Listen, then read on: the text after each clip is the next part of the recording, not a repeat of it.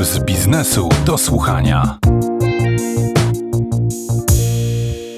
Nazywam się Marcel Zatoński, a to jest Puls biznesu do słuchania. Po świętach zazwyczaj portfele są chudsze, a w tym roku można wyjątkowo zaniepokoić się o stan domowego budżetu. Niektórym pieniędzy przybędzie, a innym ubędzie ze względu na zmiany podatkowe w ramach tzw. Tak polskiego ładu. W kieszenie wszystkich uderza inflacja. Dodatkowo wyraźnie drożeją gaz i prąd. O tym ostatnim porozmawiamy w dzisiejszym odcinku z rynkowymi ekspertami i praktykami, tak by zrozumieć, dlaczego właściwie rachunki są wyższe, jaki ma to wpływ na konsumentów i na firmy, a wreszcie, czy można coś z tym zrobić w krótkim terminie i co należy zrobić w dłuższej perspektywie. Nie przedłużając, zapraszam do słuchania. Puls biznesu do słuchania. Audycję zaczniemy od podstaw. Gdy konsument widzi wyższy rachunek za prąd, to myśli sobie, że elektrownia i dystrybutor dobrze na nim zarobią. Czy to prawda? O to pytam mojego pierwszego gościa, profesora Wojciecha Suwałę, kierownika Katedry Zrównoważonego Rozwoju Energetycznego na Akademii Górniczo-Hutniczej w Krakowie.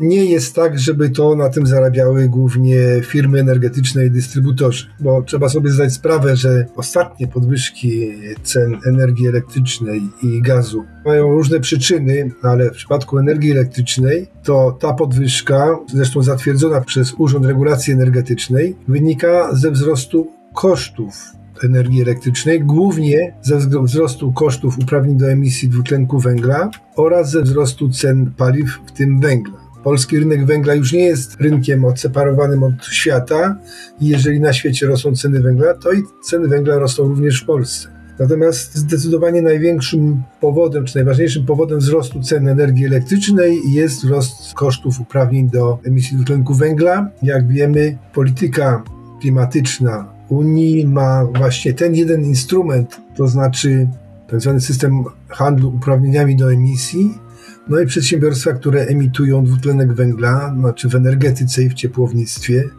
muszą kupować te uprawnienia, których ceny niestety od października ubiegłego roku wzrosły od mniej więcej 50 euro za tonę do ponad 80 euro za tonę CO2, no i to się przenosi właśnie na ceny energii elektrycznej. Więc odpowiedź jest taka, że to nie elektrownia i dystrybutor zarobią na wzroście cen, Teoretycznie mogłoby zarobić państwo, bo wyższe byłyby opłaty, akcyzy i podatku VAT, no ale jak wiemy, państwo te podatki stara się obniżyć dla energii elektrycznej po to, żeby ulżyć nieco właśnie gospodarstwom domowym. Także w zasadzie no, nikt na tym nie zarobi. No, powiedziałbym tak, że Znowu pośrednio zarobi państwo, dlatego że Polska jako kraj ma pewne przychody ze sprzedaży uprawnień do emisji CO2. No i jeżeli ich ceny rosną, no to i te przychody dla Polski wzrosną. Także tutaj można powiedzieć, że jeżeli ktokolwiek na tym zarobi, to trochę zarobi państwo, ale no z drugiej strony jest to niestety wzrost kosztów energii dla gospodarstw domowych, no i co ważniejsze dla przedsiębiorstw, które będą w pewnym sensie uprawnione do tego, żeby żądać wyższych cen za swoje produkty, jeżeli koszty produkcji rosną. To w takim razie z czego wynika ten ostatni duży wzrost cen uprawnień emisyjnych CO2? No bo to jest taki rynek, na którym trochę jest też spekulacji finansowej, właśnie, no bo skoro w rachunkach płacimy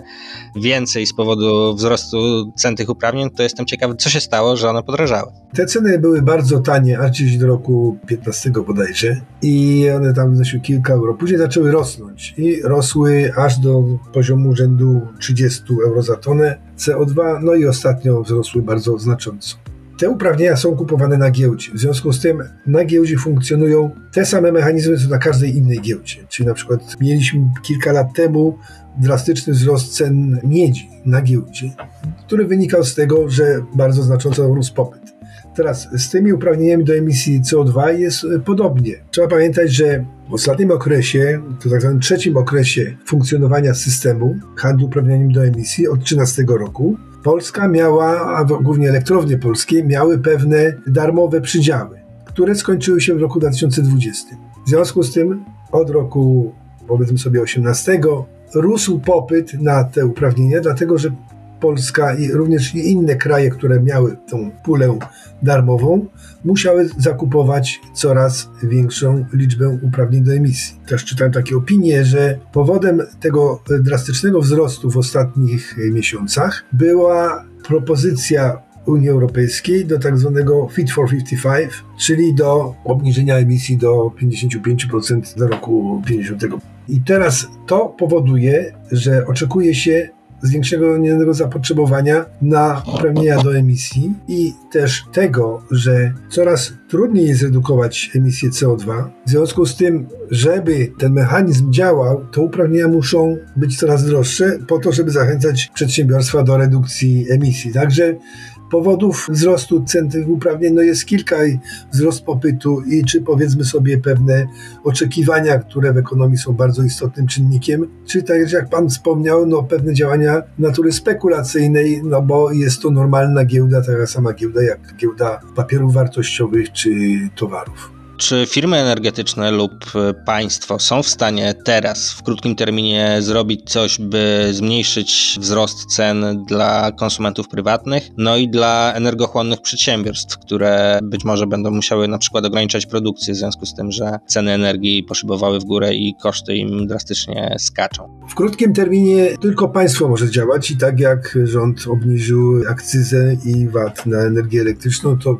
chociaż za krótki okres czasu. To jest jedyne działanie, które jest możliwe w krótkim terminie, dlatego że firmy energetyczne mogą tylko zmieniać dostawców i korzystać na przykład więcej z taniej energii, której nie ma, tak powiem, w dużej ilości, po to, żeby znacząco wpłynąć to na ceny energii. Druga sprawa jest taka, że ceny energii w dostawach do końcowych odbiorców reguluje Urząd Regulacji Energetyki, tak? bo on reguluje ceny oferowane przez dystrybutorów. Dystrybutor z kolei kupuje energię od e, wytwórców. No i tutaj możliwości no, są ograniczone. Nie może w krótkim terminie znaleźć wytwórcę, który będzie produkował tanią energię, no albo sam zbudować, bo dystrybutor też może zbudować jakąś elektrownię fotowoltaiczną czy wiatrową, która powiedzmy sobie, będzie dawała mm, energię po niskim koszcie tak zwanym krańcowym, czyli uprawniającym do niskiej ceny. Tu niestety w krótkim terminie niewiele można zrobić z cenami. Jedno, co konsumenci mogą zrobić, to starać się racjonalnie zużywać energię. Na przykład też bardzo prostym wyjściem jest zmiana taryfy. Tak? Jest taka tak zwana taryfa weekendowa, taryfa, w której między godziną 22 a 6 rano oraz między 13 i 14 bodajże mamy tańszą energię. No i wtedy możemy korzystać z tej energii intensywniej niż normalnie, czyli na przykład włączać pralkę, zmywarkę, grzać wodę i tak dalej. Tak samo jest y, weekendy, prawda? Od piątku od godziny 22 do poniedziałku do godziny 6 mamy tańszą energię i znowu możemy ją starać się użytkować w tym okresie, kiedy jest tańsza. Stare, sprawdzone metody oszczędności energii tutaj mogą się przydać. Są jakieś portale, które w tej chwili wytwórcy energii i dystrybutorzy uruchamiają po to, żeby wspomóc w jakiś sposób konsumentów w tych działaniach, to znaczy podpowiadając im pewne rozwiązania. A w dłuższym terminie, co giganci energetyczni mogą zrobić, by ceny energii nie zajmowały coraz większej pozycji w budżetach domowych? No i kiedy będzie można dostrzec efekty takich działań? Bo ja rozumiem, że działania zostały podjęte, ale w energetyce takie procesy inwestycyjne to się liczy w latach, jeśli nie w dekadach. Tak, tak. Procesy inwestycji w energetyce są bardzo długie. To najkrótszy to jest rzędu kilku lat to wybudowanie elektrowni gazowej, no ale to nie jest wyjście, bo wiemy, że ceny gazu wzrosły gwałtownie. W długim terminie one być może spadną. Co robią koncerny? No, e, koncerny energetyczne inwestują w źródła o niskiej mm, emisyjności, głównie w energetykę odnawialną. Tyle mogą zrobić. Tutaj problem polega trochę na tym, że no, energetyka e, odnawialna nie jest lekarstwem na wszystkie bolączki systemu energetycznego, dlatego że jak wiemy, to jest energia, która jest dostępna wtedy, kiedy wieje albo kiedy świeci słońce. W długim terminie energetyka musi się przestawić na źródła mniej emisyjne, na przykład na biomasę, chociaż ilość tej biomasy nie jest taka duża. Pewne możliwości są w ciepłownictwie, wykorzystywanie właśnie znowu biomasy, ciepła odpadowego, geotermii. Pewnym e, rozwiązaniem jest również energetyka jądrowa bo energetyka jądrowa dostarcza energię wtedy, kiedy ona jest potrzebna i ta energia jest dość tania. Ona nie jest bardzo tania, ale w porównywaniu na przykład z węglową, jeszcze przy tak wysokich cenach uprawnień do emisji, ona będzie zdecydowanie tańsza. No tak, energia jest tania, tylko że postawienie elektrowni jądrowej jest bardzo drogie. To jest trochę tak, że w takim przypadku liczy się coś, co się nazywa po angielsku levelized cost of electricity, czyli taki w pewnym sensie koszt energii, ale liczony dla długiego okresu czasu, praktycznie rzecz biorąc dla okresu życia elektrowni. No bo też jest trochę tak, że jeżeli ktoś stawia elektrownię jądrową, ona jest droga w budowie, my to wiemy ale też nikt nie oczekuje, że ta budowa się spłaci w 15 lat. To nie jest biznes taki jak postawienie hali do montażu czegoś tam, czy hurtowni. To jest e, biznes, który oczekujemy, że będzie funkcjonował przez 50-60 lat i w tym okresie będziemy spłacać kredyt czy zobowiązania finansowe podjęte na budowę elektrowni. I one oczywiście mają wtedy swój udział w koszcie energii z tego źródła, z elektrowni jądrowej. No nie mały, bo jak wiemy, sam koszt wytwarzania energii w elektrowni jądrowej jest niski, bo koszt paliwa jest e, relatywnie niski na jednostkę końcową energii, bo też elektrownie nie emitują dwutlenku węgla i wszystkie inne koszty są relatywnie niskie. No i jedyną wadą ich jest to, że mają wysokie koszty inwestycyjne, no i czas budowy też jest dosyć długi. To czekając na polskie elektrownie jądrowe, bardzo dziękuję za rozmowę. Moim gościem był profesor Wojciech Suwała, kierownik Katedry Zrównoważonego Rozwoju Energetycznego na AGH. Dziękuję bardzo. Puls biznesu do słuchania. Przez ostatnie dwie dekady Polska zapłaciła za import surowców energetycznych ponad bilion złotych. Najwięcej za ropę, ale sporo też za gaz ziemny i węgiel. Think Tank Forum Energii, który przygotował te wyliczenia, przestrzega, że z roku na rok wydatki są coraz większe. W 2020 roku po raz pierwszy przekroczyły 50 miliardów złotych. Moją drugą rozmówczynią jest dr Aleksandra Gawlikowska-Fyk, dyrektorka programu Elektroenergetyka w Forum Energii, którą na początek pytam o to, dlaczego właściwie prąd tak mocno ostatnio drożeje.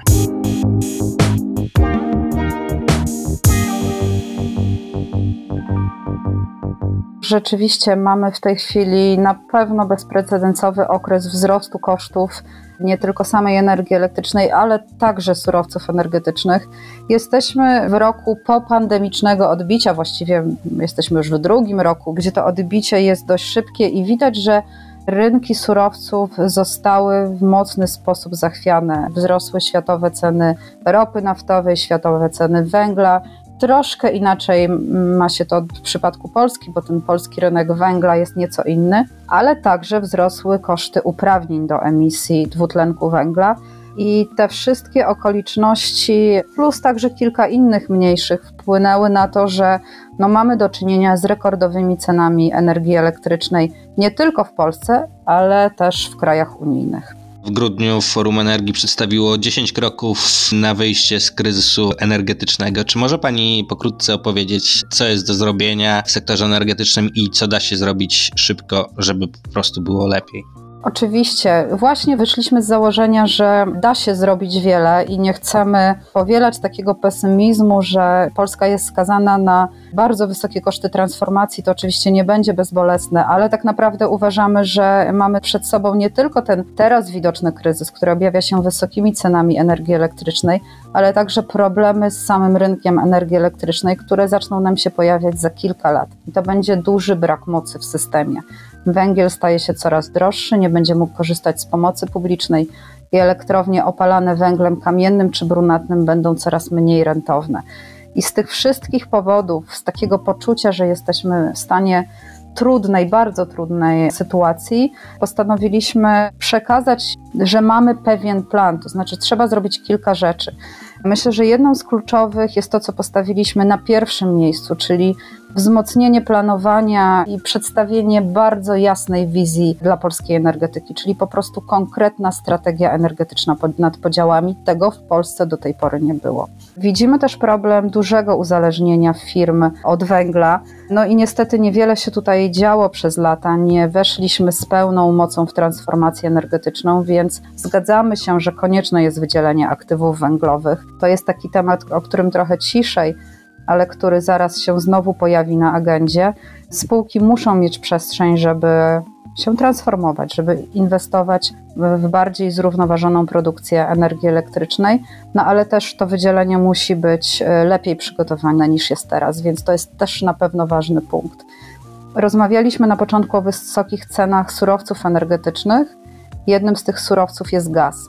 Polska w tej chwili, odchodząc od węgla, bardzo łatwo zaczyna się przestawiać na gaz i nie ma tutaj myślenia strategicznego, że to jest także surowiec kopalny, z którym za chwilę będziemy musieli sobie poradzić, tak jak z węglem, więc też uważamy, że jest potrzebna strategia dla gazu, taka, która by wskazywała, ile jeszcze tego surowca w energetyce nam trzeba i także w innych branżach. No ale oprócz tego, bo tutaj tych kroków jest dużo, no to oczywiście w co inwestować dalej, uważamy, że niezbędne jest inwestowanie w OZE, że trzeba wyklaryfikować nasz plan dotyczący energetyki jądrowej. No i to myślę, że są takie główne punkty z tej naszej analizy 10 kroków, jak wyjść z kryzysu. A jak oceniacie reakcję strony publicznej na rosnące ceny energii? Czy można było zrobić coś więcej albo coś lepiej, by w krótkim terminie zmniejszyć wzrost cen i ich dotkliwość dla konsumentów i dla przedsiębiorstw? Myślę, że to są dwa ważne, ale różne pytania. To znaczy, na pewno rosną nam ceny zaopatrzenia w energię elektryczną i ciepło, i oczywiście teraz też paliwa gazowe. To wszystko dzieje się w momencie, kiedy mamy do czynienia po prostu z wysoką inflacją, i to jest kolejny czynnik, który tylko pomniejsza nasze realne dochody, więc na pewno widać wyraźnie, że ten temat zaczyna się przebijać. Niestety, właśnie w takim trudnym momencie i w trudnym kontekście.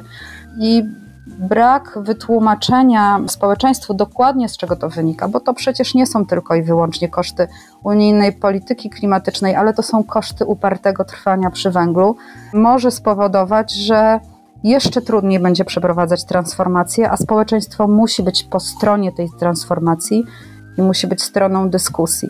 Natomiast na pytanie, czy dałoby się zrobić więcej, oczywiście. My bardzo podobną sytuację mieliśmy w 2018 roku, kiedy praktycznie na kolanie Sejm przyjmował niemalże w ostatnim dniu roku tak zwaną ustawę prądową, która skończyła się bardzo wysokimi dopłatami do rachunków za energię elektryczną. Łącznie to było 4,6 miliarda. I to były po prostu dopłaty do konsumpcji, żaden pomysł strategiczny, jak wspierać najuboższych, termomodernizować budynki, nie wiem, wymieniać sprzęt. Nic za tym nie stało, więc tak naprawdę w 2022 roku mamy powtórkę. Zapowiedzi rządowe są takie, że dosypiemy kolejne 10 miliardów i dalej nie ma rozwiązań systemowych, więc na pewno bardzo strategiczny pomysł, jak zmieniać miks, by się uniezależnić od wysokich kosztów CO2, no i wspierać społeczeństwo, by rzeczywiście było w stanie obniżać te rachunki przez mniejsze zużycie. To są bardzo, bardzo kluczowe wątki w tej dyskusji. No właśnie, wspomniała Pani o tym, że społeczeństwo musi być stroną dyskusji, musi też rozumieć, co się dzieje na rynku energetycznym. No i czy w związku z tym, że energetyka w celu zmiany tego miksu w Polsce wymaga olbrzymich inwestycji, powinniśmy wszyscy jako konsumenci przyzwyczaić się do myśli o wzroście cen i zakładać, że po prostu w kolejnych latach koszt prądu będzie miał coraz większy udział w budżetach domowych? Niestety doprowadziliśmy do takiej sytuacji, że te koszty się kumulują, a tych inwestycji przez lata nie było. One są niezbędne nie tylko z punktu widzenia polityki klimatycznej, ale także dlatego, że mamy starzejącą się infrastrukturę, nie tylko wytwórczą, ale też sieci dystrybucyjne. To jest bardzo ważny czynnik w tej dyskusji. Powinniśmy się raczej przyzwyczaić do tego, że trzeba mieć pełną świadomość, że jeżeli nie będziemy nic robić, to przed nami koszty zaniechania transformacji, które będą tylko i wyłącznie ten rachunek podwyższać. Widzimy w wielu obszarach, że jeżeli energetyka jest pod presją modernizacji, to po prostu wszystkie działania stają się coraz droższe. Więc ceny będą wyższe, ale ten wzrost jest cały czas do ograniczenia, do zarządzania. Najgorszy jest brak działania. Bardzo dziękuję za rozmowę. Moim gościem była dr Aleksandra Gawlikowska-Fyk, dyrektorka programu Elektroenergetyka w Forum Energii. Dziękuję bardzo. Puls biznesu do słuchania. Teraz przyszła pora na rozmowę z kimś, kto wzrost kosztów energii odczuwa szczególnie mocno. Trzecim gościem jest Henryk Kaliś, pełnomocnik zarządu do spraw zarządzania energią elektryczną w zakładach górniczo-hutniczych Bolesław, czyli głównym producencie cynku w naszej części Europy, a jednocześnie przewodniczący Forum Odbiorców Energii Elektrycznej i Gazu oraz prezes Izby Energetyki Przemysłowej i Odbiorców Energii. Krótko mówiąc, głos największych konsumentów energii w Polsce. Dla prywatnych konsumentów rosnące ceny prądu oznaczają większe obciążenie budżetu domowego. A co oznaczają dla zużywających gigantyczne ilości energii przedsiębiorstw?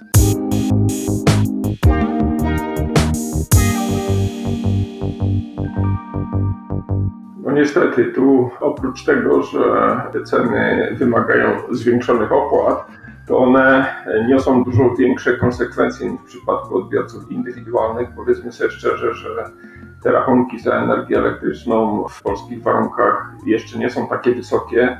Polityka polskiego rządu jest taka, że ona chroni przede wszystkim właśnie odbiorców indywidualnych, komunalnych. Zresztą też mechanizm wyznaczania tych cen jest taki, że one są kontrolowane przez prezesa Urzędu Regulacji Energetyki. Zresztą świadczą o tym interwencje na rynku energii. Mam tu na myśli rekompensaty, które były w przeszłości przyznawane właśnie odbiorcom indywidualnym. No oczywiście rok jest wyjątkowy, skala wzrostu kosztów produkcji, mam na myśli przede wszystkim wzrosty wynikające ze wzrostu cen uprawnień do emisji, ale również okresowo nakładały się na to wzrosty cen paliw, czyli zarówno węgla. Przypomnę, że w Polsce energii elektrycznej z węgla produkuje się około 70%, ale ostatnio ceny energii w bardzo gwałtowny sposób podniosły ceny gazu i mechanizm, który służy do wyznaczania cen na rynku hurtowym, mechanizm merit order, który powoduje, że cenę energii ustala koszt produkcji najdroższej elektrowni. W momencie jak ceny gazu poszły gwałtownie w górę, tą cenę ustalił właśnie koszt produkcji energii w elektrowniach i elektrociepłowniach gazowych. Natomiast problem odbiorców przemysłowych polega na tym, że jakkolwiek funkcjonują one w Polsce i kupują energię po cenach, które są ustalane na rynku krajowym, to ich produkty najczęściej wyceniają rynki globalne. Co to oznacza? To jest odwrócenie mechanizmu wyznaczania ceny, który obowiązuje w energetyce, bo tam, tak jak powiedzieliśmy sobie, cenę wyznacza najdroższa elektrownia na rynku towarowym. Jest to po prostu cena ustalona przez giełdę.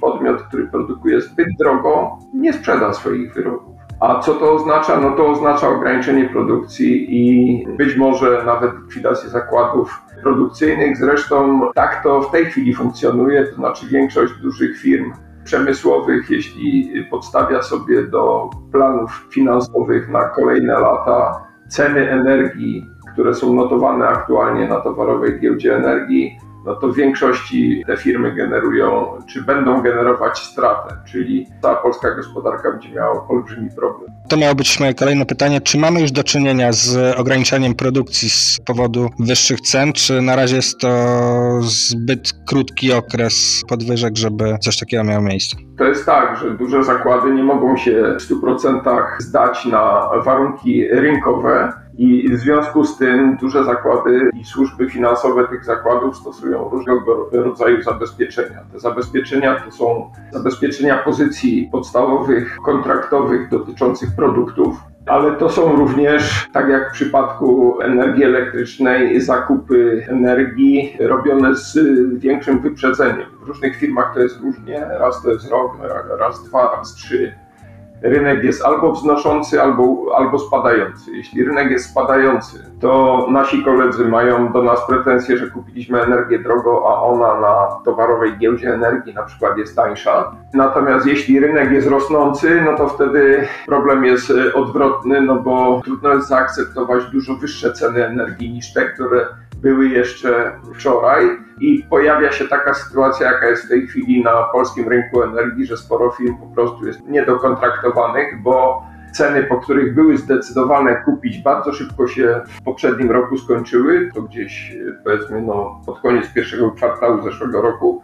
Później te ceny gwałtownie rosły, no i wszyscy czekali na to, że one spadną. Niestety a zamiast spaść, to urosły jeszcze bardziej, czyli kto się nie zakontraktował rok temu, to ma teraz y, duży problem. No właśnie, czyli firmy, które są uzależnione od kosztów energii, czyli dla których udział kosztów energii w wartości produkcji lub wartości dodanej brutto jest znaczący i który decyduje tak naprawdę o konkurencyjności, muszą mieć zabezpieczoną pozycję kontraktową i, i większość tych firm, tak jak powiedziałem, kupuje z jakimś wyprzedzeniem ale nawet jeśli to, to uderzenie cenowe nastąpi z pewnym opóźnieniem, to ono jednak nastąpi. I tu no, są firmy, które wyceniają swoją produkcję, one wiedzą, że od pewnego poziomu opłaca im się na przykład przestać produkować i sprzedawać energię i wiem, że są firmy, które tak robią.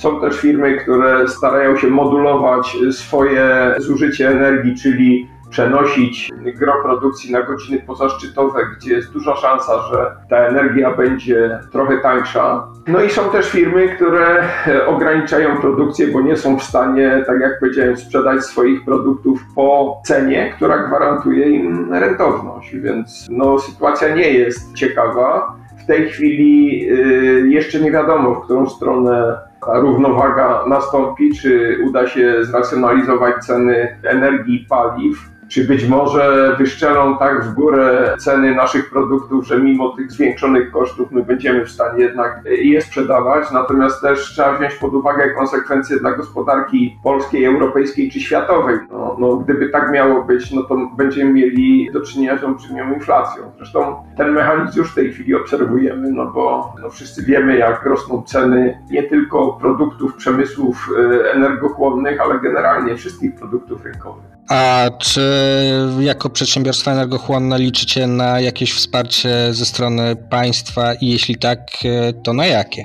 No tak się składa, że jedynym mechanizmem, który jest w stanie łagodzić rosnące koszty energii jest e, system rekompensat pośrednich kosztów emisji. Co to takiego?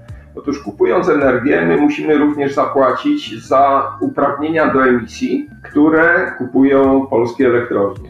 Problem polega na tym, że w Polsce większość tej energii produkowana jest z węgla, czyli współczynnik emisyjności krajowej energetyki jest w tej chwili kalkulowany na poziomie około 0,8, czyli około 800 kg CO2 trzeba na wyprodukowanie megawattogodziny. I akurat ten parametr w sposób bardzo istotny różnicuje konkurencyjność różnych firm w Unii Europejskiej, no bo emisyjność krajowych energetyk jest bardzo różna. Są takie, które no praktycznie nie emitują i tu mam na myśli gospodarkę francuską, szwedzką, czy austriacką, są takie, które mają zdecydowanie niższe współczynniki emisyjności. Polska po Bułgarii ma ten współczynnik największy, czyli to oznacza, że my płacąc za energię płacimy największe koszty tych uprawnień do emisji. I Komisja Europejska zauważyła, że ten koszt w sposób istotny różnicuje pozycję konkurencyjną firm w różnych krajach Unii Europejskiej i aby tę pozycję wyrównać,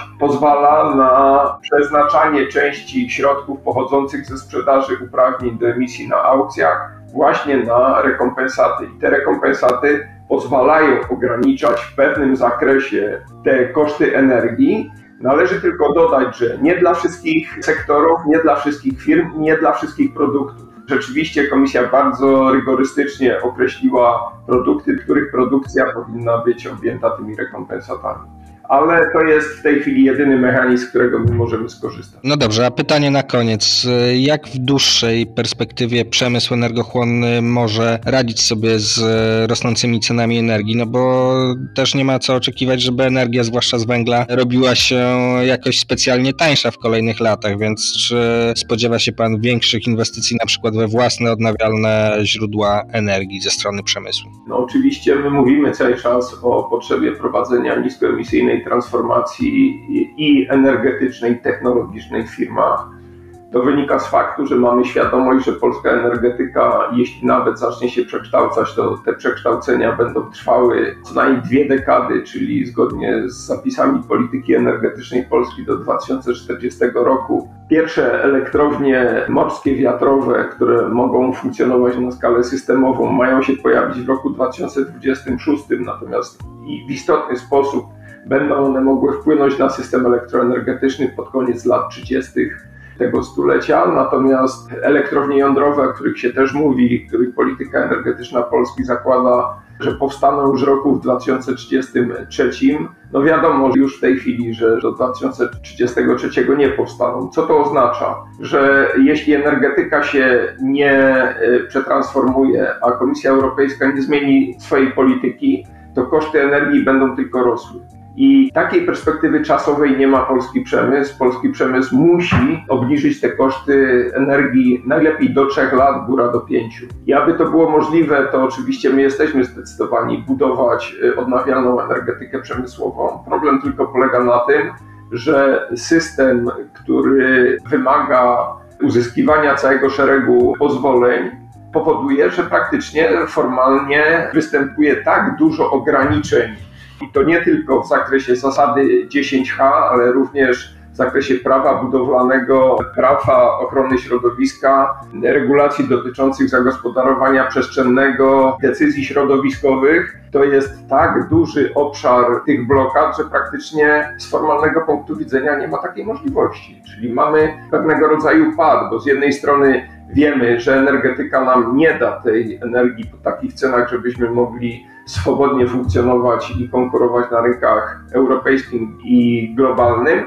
Z drugiej strony, jeśli chcemy budować, no to natykamy się na szereg barier, które powodują, że sam proces przygotowania inwestycji w energetykę odnawialną przemysłową to jest około pięciu lat, więc nie ukrywam, że w tej chwili ta sytuacja nie wygląda dobrze. Oczywiście Izba Energetyki przez Odbiorców Energii, Forum Odbiorców Energii Elektrycznej i Gazu którego jestem przewodniczącym, no, czyni praktycznie od dwóch lat starania, żeby te ograniczenia złagodzić, a najlepiej zlikwidować. Na razie jak no, nie mogę się pochwalić e, sukcesami.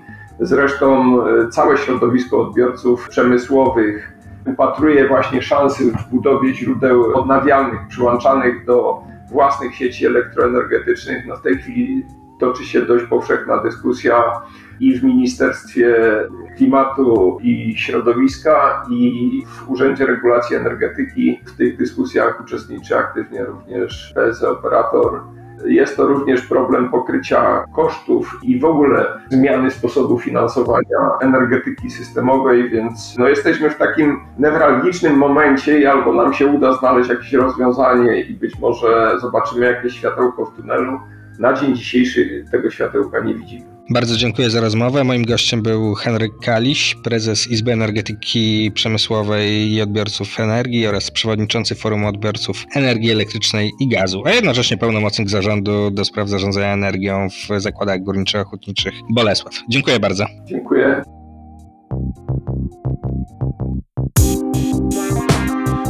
Puls biznesu do słuchania. Energia w Polsce jest nie tylko droga, jest też brudna, bo produkowana głównie z węgla.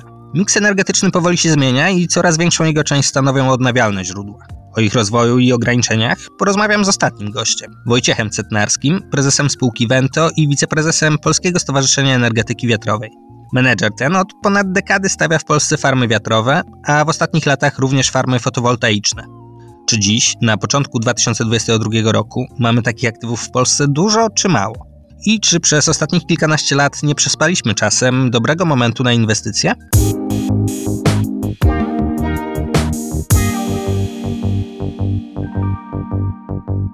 Zdecydowanie przez kilkanaście lat nie przespaliśmy takiego momentu, natomiast na pewno mogliśmy ten czas wykorzystać lepiej, a w szczególności mam na myśli ostatnich 5-6 lat, kiedy w zasadzie zamarł e, proces e, przygotowania do budowy farm wiatrowych po wprowadzeniu w 2016 roku ustawy tak zwanej odległościowej, ustawy o inwestycjach w energetyce wiatrowej, która wprowadzała minimalną odległość pomiędzy potencjalnymi farmami wiatrowymi i zabudowaniami mieszkalnymi.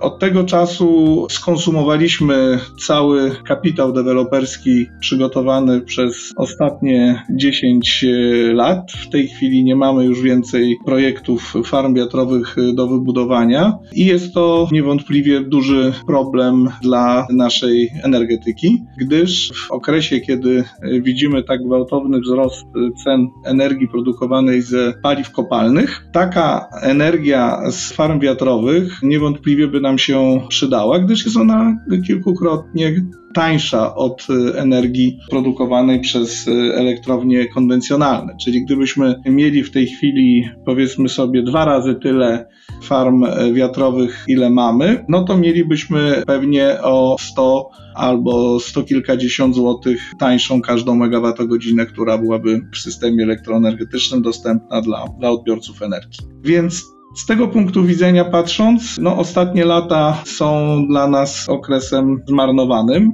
ale z drugiej strony też nie można powiedzieć, że nic się w Polsce nie dzieje, bo jak pan sam zauważył, bardzo dynamicznie nam się rozwinęła energetyka fotowoltaiczna w tym samym okresie i to jest y, niewątpliwie spektakularny sukces tej branży. Możemy tylko wszystkim inwestorom, którzy realizowali te projekty i w tej chwili produkują tą energię ze słońca, pogratulować. A jakie są obecnie na początku 2022 roku główne bariery w rozwoju odnawialnych źródeł energii w Polsce? Jeżeli chodzi o energetykę wiatrową, to bariera pozostaje niezmiennie ta sama. To jest ustawa o inwestycjach w energetykę wiatrową, ustawa odległościowa, ustawa 10H, czyli ustawa uniemożliwiająca praktycznie e, rozwój nowych projektów, wykluczająca ponad 97% powierzchni kraju z możliwości budowania farm wiatrowych. Natomiast drugim problemem, który ma dużo poważniejsze konsekwencje, bo dotyczy nie tylko energetyki wiatrowej, ale dotyczy wszelkich nowych źródeł energii, nie tylko ZOZE, no ale ZOZE też dlatego, że te źródła energii w tej chwili się najdynamiczniej rozwijają, to jest problem przepustowości, pojemności sieci elektroenergetycznej. Sieć elektroenergetyczna w swoim rozwoju nie nadążała za rozwojem energetyki odnawialnej rozwój tej sieci nie był traktowany tak priorytetowo, jak mógłby być. I w związku z tym, na skutek różnych decyzji, które zostały podjęte również na poziomie wyższym niż tylko spółki dystrybucyjne, no nie mamy tylu kilometrów linii przesyłowych, linii dystrybucyjnych, nie mamy tych linii o takiej przepustowości, która by umożliwiała zrealizowanie mm, takich celów, jakie stawiają sobie inwestorzy, czy z branży wiatrowej, czy z branży fotowoltaicznej. Jeżeli chcielibyśmy istotnie zmienić miks energetyczny, czy przyłączyć nowe źródła energii w Polsce, szczególnie te źródła odnawialne, które są z natury rzeczy źródłami rozproszonymi, no to jest bardzo, bardzo mało miejsc w Polsce, gdzie sieć elektroenergetyczna jeszcze pozwala na przyłączanie takich dodatkowych nowych mocy. Więc mamy sytuację dość paradoksalną. Z jednej strony jest duże zapotrzebowanie na nową moc, trzeba wycofywać jednostki węglowe stare i nieefektywne. Natomiast nie można ich zastąpić e, nowymi źródłami, no bo oczywiście, jeżeli wyłączymy elektrownię o mocy 500 MW, to nie możemy w miejscu elektrowni zainstalować 500 e, MW w instalacjach fotowoltaicznych czy w instalacjach wiatrowych. Te instalacje się buduje w różnych innych miejscach, no ale sieć w innych miejscach nie ma takiej możliwości przyjęcia tej mocy, jak ma w tym miejscu, gdzie jest zamykana elektrownia. W związku z tym de facto nie jesteśmy w stanie tych nowych źródeł przyłączyć, nawet jeżeli będziemy wycofywać stare, istniejące w tej chwili obiekty, czy to ze względu na ich stan techniczny, czy na ograniczenia środowiskowe, czy, czy ograniczenia ekonomiczne. Więc sieć jest naszym największym w tej chwili wyzwaniem i największym problemem, który musimy rozwiązać. A krytycy odnawialnych źródeł energii, mniej czy bardziej populistyczni, wskazują, że inwestycje w te źródła zwiększają nam koszty energii tu i teraz, są bardzo drogie, a w dłuższej perspektywie te źródła i tak nie będą w stanie same udźwignąć systemu bez dużych mocy konwencjonalnych. Co może Pan odpowiedzieć na takie uwagi krytyczne? No myślę, że w tych opiniach y, jest y, dużo legend, dużo przekonań i wierzeń, natomiast trochę mniej faktów i realnej wiedzy. Oczywiście, że na dzień dzisiejszy oparcie systemu elektroenergetycznego takiego kraju jak Polska w 100% na źródłach odnawialnych, takich jak źródła wiatrowe czy fotowoltaiczne, jest niemożliwa ale w dłuższej perspektywie, i tu zaznaczam, że mówimy o długiej perspektywie, czyli o, o przynajmniej kilkudziesięciu latach, jest jak najbardziej możliwa. I jeżeli ktoś jest przekonany, że tak nie jest, że tego się nie uda zrobić, no to to jest wynikiem tylko takie twierdzenie pewnego braku wiedzy. Jest szereg analiz, opracowań robionych przez bardzo poważne, profesjonalne ośrodki naukowe, które pokazują, jakie warunki powinny być spełnione, żeby takie systemy mogły funkcjonować. I każda z tych analiz pokazuje, że system elektroenergetyczny z bardzo dużym udziałem energii odnawialnej jest znacznie tańszy dla odbiorców tej energii niż systemy oparte o paliwa kopalne. Więc w tej dyskusji ja bym proponował, żebyśmy się opierali właśnie o, o, taką rzetelną, sprawdzoną, zweryfikowaną wiedzę, a mniej o przekonania, wierzenia czy pewnego rodzaju obiegowe opinie. Energetyka to jest skomplikowany temat i nie ma w tym wypadku żadnych prostych recept, żadnych prostych odpowiedzi. I dlatego bardzo trudno jest dyskutować na temat energetyki, posługując się takimi prostymi hasłami, jak energetyka odnawialna jest droga, energetyka się nie opłaca. To są hasła, których po pierwsze się nie da e, obronić, ale wytłumaczenie tego, dlaczego tak jest, też nie może się odbyć przy pomocy jednego słowa. No niedowiarków zapraszam na stronę URE. Proszę sprawdzić, jakie ceny zaproponowali inwestorzy biorący udział w aukcjach na sprzedaż energii odnawialnych ze źródeł wiatrowych i źródeł fotowoltaicznych, porównać ceny, po których są gotowi sprzedawać tą energię do systemu elektrycznego z bieżącymi cenami, na przykład na giełdzie energii. No, można od razu zobaczyć, że ta energia ze źródeł wiatrowych czy fotowoltaicznych jest kilkakrotnie tańsza niż energia, która w tej chwili można kupić właśnie na rynku konkurencyjnym. Więc to jest taki prosty sposób na sprawdzenie, aczkolwiek sam problem i, i, i odpowiedź na to, szczególnie w tak zwanym dłuższym terminie, prosta już nie jest. A panie prezesie, jeszcze na koniec, bo mówiliśmy o barierach w dużej mierze legislacyjnych w rozwoju OZE, a jestem ciekaw, jak wygląda obecnie sytuacja z finansowaniem tego typu inwestycji, no bo rosną stopy procentowe, trochę trudniej jest pewnie zdobyć kredyt części przedsiębiorców, a czy przy OZE taki problem istnieje, czy raczej z racji tego, że to energetyka konwencjonalna ma problem ze zdobyciem finansowania bankowego, to wiatraki czy fotowoltaika takiego problemu nie mają? Chcę jeszcze raz podkreślić, że oprócz y, barier natury legislacyjnej, o których mówiliśmy, no mamy tą barierę fizyczną w postaci pojemności sieci elektroenergetycznej. To jest bardzo realna bariera i oną, ją można pokonać tylko inwestując w sieć elektroenergetyczną. Regulacyjnie się tej sieci zwiększyć jej pojemności nie da. Oczywiście jest kilka rozwiązań natury regulacyjnej, które krótkoterminowo mogą polepszyć sytuację i uwolnić pewne naturalne rezerwy tej sieci, tak jak na przykład przejście na, na rozwiązania typu cable pooling, które rozmawiamy już w tej chwili z operatorami, z, z regulatorem czy wprowadzenie rozwiązań typu Direct Line, ale jeżeli chodzi o barierę fizyczną, no to ta bariera jest i trzeba o tym głośno i wyraźnie mówić.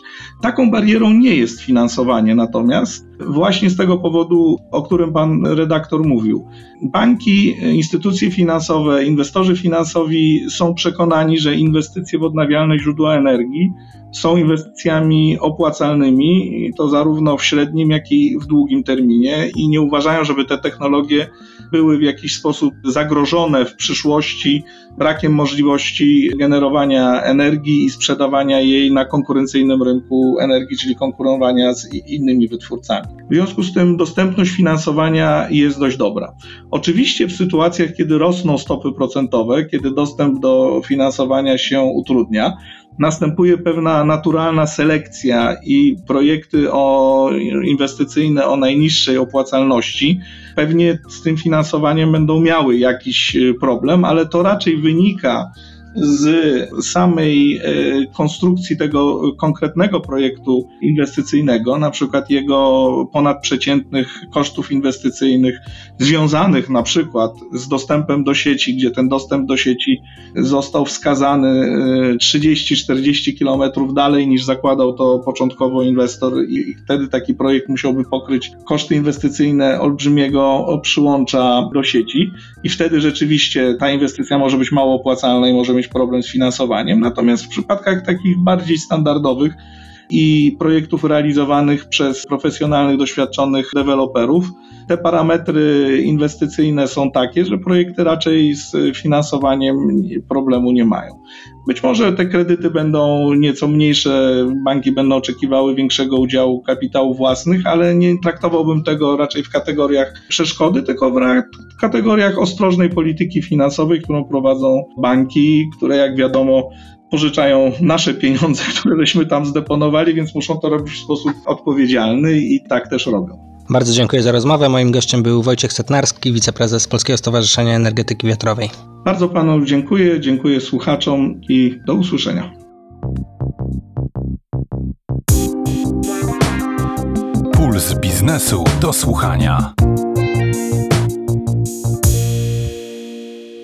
Wniosek z dzisiejszego podcastu jest prosty i niezbyt wesoły. Tanio już było i musimy przygotować się na to, że rachunki za prąd będą coraz wyższe oraz pomyśleć o tym, jak zmniejszyć zużycie energii. Łatwo powiedzieć, trudniej zrobić, ale też trudno o lepszą motywację niż widoczny ubytek pieniędzy w portfelu. Na tym kończy się dzisiejsza audycja. Za jak zwykle miłą współpracę i zasugerowanie rozmówców dziękuję Magdzie Graniszewskiej, pulsowej specjalistce od energetyki, dzięki której artykułom mogą Państwo na bieżąco zdobywać szczegółową wiedzę o kondycji polskiej branży i stojących przed nią wyzwaniach. Tymczasem za tydzień spotka się z Państwem Bartek Majer, który opowie o rolniku szukającym technologii. Ja dziękuję za uwagę. Nazywam się Marcel Zatoński, a to był Puls Biznesu do słuchania. Puls biznesu do słuchania.